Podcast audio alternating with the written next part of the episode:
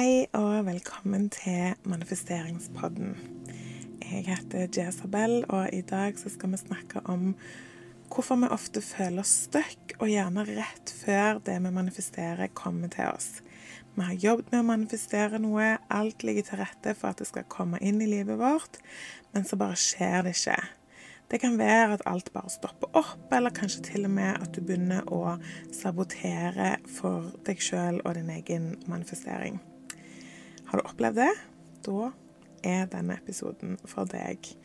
Jeg skal forklare hvorfor dette skjer, og jeg skal gi deg to ulike øvelser for å hjelpe deg over den blokkeringen. Det føles ofte som det er tankene våre og det vi sier til oss sjøl når vi er bevisste, som styrer livet vårt. Men det er jo ikke det. Det er underbevisstheten vår som styrer. F.eks. hvis du klør, så er det underbevisstheten din som løfter hånda di for å klø. Det er ikke dine bevisste tanker som tenker 'oi, jeg klør, jeg må gi beskjed til hjernen', og må gi beskjed til armen, og må løfte seg opp for å klø meg'. Det skjer bare av seg sjøl, helt ubevisst. Sammen når vi puster. Det er underbevisstheten som styrer at vi puster hele tida, hele dagen. Alt annet som vi gjør på autopilot. Det er derfor òg at det ikke hjelper å si en affirmasjon én gang. Affirmasjoner er jo et verktøy som kan hjelpe å forme underbevisstheten med repetisjon. Når vi sier de samme tingene om og om igjen, så blir det til slutt en sannhet som fester seg i underbevisstheten vår og rett og slett endrer underbevisstheten. Så når vi skal manifestere noe nytt, så vil underbevisstheten vår automatisk bli skeptisk. Den liker generelt ikke nye ting, uansett hva det er. Underbevisstheten vår er der for å beskytte oss og holde oss i live. Derfor liker den at ting er akkurat sånn som de er. Fordi akkurat sånn som det er nå, så er du i live. Så la oss bare holde det sånn. Selv om det du manifesterer mest sannsynlig vil gjøre livet ditt enda bedre, så tenker underbevisstheten at det er ikke verdt risikoen. Vi vet ikke hvordan det er der på det, på det nye stedet som du ønsker å manifestere, da. Vi vet ikke hvordan det ser ut der. Eh, så selv om ting ikke er optimalt der du er nå, så er det i hvert fall kjent. Vi har opparbeida forsvarsmekanismer som fungerer, og vi vet at ting ruller og går her. Og underbevisstheten er ikke så opptatt av trivsel, den er bare opptatt av å holde deg i live. Si f.eks. at du manifesterer penger, som jeg vet veldig mange eh, manifesterer, og som er et tema jeg er veldig glad i sjøl òg. Eh, så kanskje du ønsker å manifestere f.eks. en million kroner, da. Eh, og du jobber med å endre tankene dine, hvordan du snakker til deg sjøl, hvordan du føler rundt penger, eh, heale dine pengesår. Eh, og du begynner å se penger komme inn i livet ditt på ulike måter, uventa måter. Du ser at manifesteringen fungerer. Men det er fremdeles ikke Du er ikke i nærheten av den millionen, da. Eh, og så rett før liksom millionen kommer, så kommer underbevisstheten din på banen og bare mm -mm, nå er det nok. Så mye penger som dette har vi ikke hatt før. Her må vi sette på bremsene. Eh, og den bevisste delen av deg tenker 'hva kan gå galt?', mens underbevisstheten tenker det stikk motsatte. Så hva er det vi kan gjøre for at underbevisstheten spiller på lag med oss, og innser at det er trygt å manifestere det vi ønsker oss? Første, den første øvelsen det er en visualiseringsøvelse. Se for deg at du allerede har det du ønsker å manifestere. Vi har jo Jeg har masse episoder om det tidligere eh, i forhold til å sette deg en klar, eh, klart mål, en klar ting som du ønsker å manifestere. Eh, når du har det klart for deg, så er det mye enklere. Eh, så se for deg dette her som du ønsker å manifestere. Det kan være hva som helst. Eh, se for deg at du er kommet i mål med det du ønsker å manifestere. Du har det nå.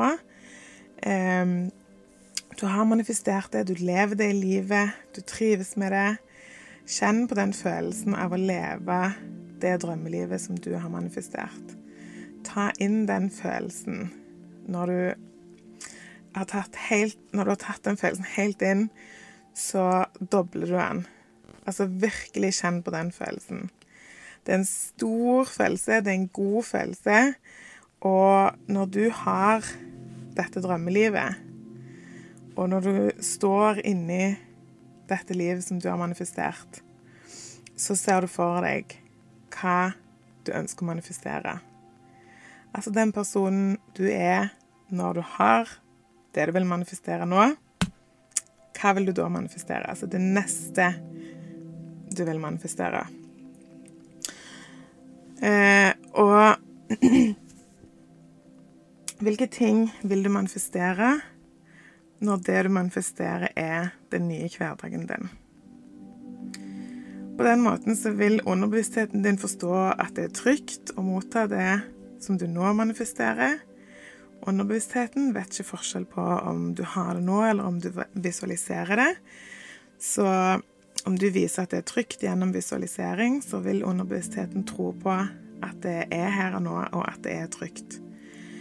Og denne øvelsen vil òg endre energien og følelsene dine rundt det du manifesterer. Det er enklere å tro på at manifesteringen din er din, når du visualiserer at du står midt oppi den og tenker på din neste manifestering.